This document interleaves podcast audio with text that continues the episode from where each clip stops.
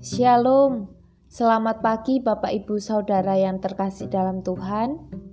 Mari kembali kita akan merenungkan firman Tuhan bersama dalam 1 Korintus 15 ayat 10. 1 Korintus 15 ayat 10. Tetapi karena kasih karunia Allah aku ada sebagaimana aku ada sekarang.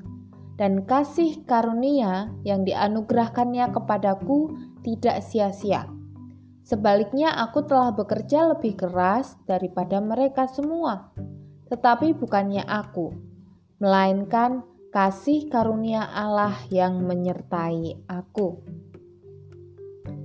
Bapak, ibu, saudara, kita ada sebagaimana kita ada saat ini, itu semua karena kasih karunia Tuhan. Itu semua adalah kemurahan Tuhan. Ada sebuah lagu yang sering kita nyanyikan. Oleh karena kemurahan Tuhan ku ada sampai hari ini. Nah, Bapak Ibu Saudara, aku ini menunjukkan bahwa setiap apa yang ada di dalam kehidupan kita itu semua karena kemurahan Tuhan yang ada di hidup kita ini. Di setiap nafas yang kita hirup, itu juga pemberian daripada Tuhan. Kita tidak perlu membayar, kita tidak perlu menyediakan apa pun. Tuhan sudah menyediakannya bagi kita, dan Dia menyediakan apa yang kita perlukan.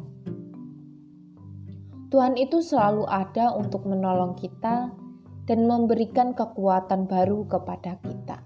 Dan ini seharusnya disadari oleh setiap anak-anak Tuhan. Tuhan itu tidak pernah terlambat dalam menolong dan memberkati. Meskipun terkadang kita merasa lama atau belum datang juga pertolongan Tuhan di dalam hidup kita. Tapi itu semua bukan karena Allah tidak peduli kepada kita. Tapi Allah ingin melihat seberapa bergantungkah kita kepadanya. Dan hanya oleh kasih karunia Tuhan juga, kita yang tidak layak di hadapannya karena dosa, sekarang kita dilayakkannya. Rasul Paulus pada bagian ini memberikan pengakuan bahwa semua yang berharga dalam hidupnya, dalam dirinya, khususnya keselamatan yang ia peroleh, itu hanya berasal dari kasih karunia Allah saja. Dan ini juga merupakan hak istimewa yang diterima oleh kita setiap orang yang percaya kepadanya. Bukan karena kekuatan kita atau akal pikiran kita, bukan karena jalan kita, melainkan semua karena kasih karunia Tuhan. Kita tidak perlu melakukan apa-apa. Kita tidak perlu susah-susah untuk memperoleh keselamatan itu. Kita tidak perlu banyak-banyak berbuat baik. Kita tidak perlu mempersembahkan korban. Kita tidak perlu meditasi atau mengasingkan diri dari kehidupan dunia untuk mendapatkan keselamatan. Allah sendiri sudah memberikannya melalui Yesus Kristus.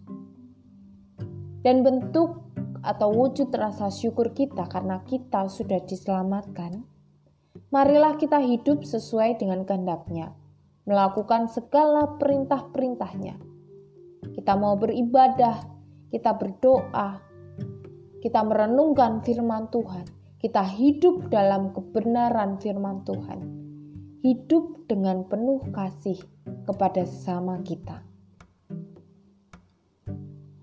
Marilah kita ingat setiap kasih dan anugerah Tuhan di dalam hidup kita. Dan itulah yang akan membuat kita untuk rindu datang kepada Allah. Amin. Kiranya Tuhan memberkati kita semua.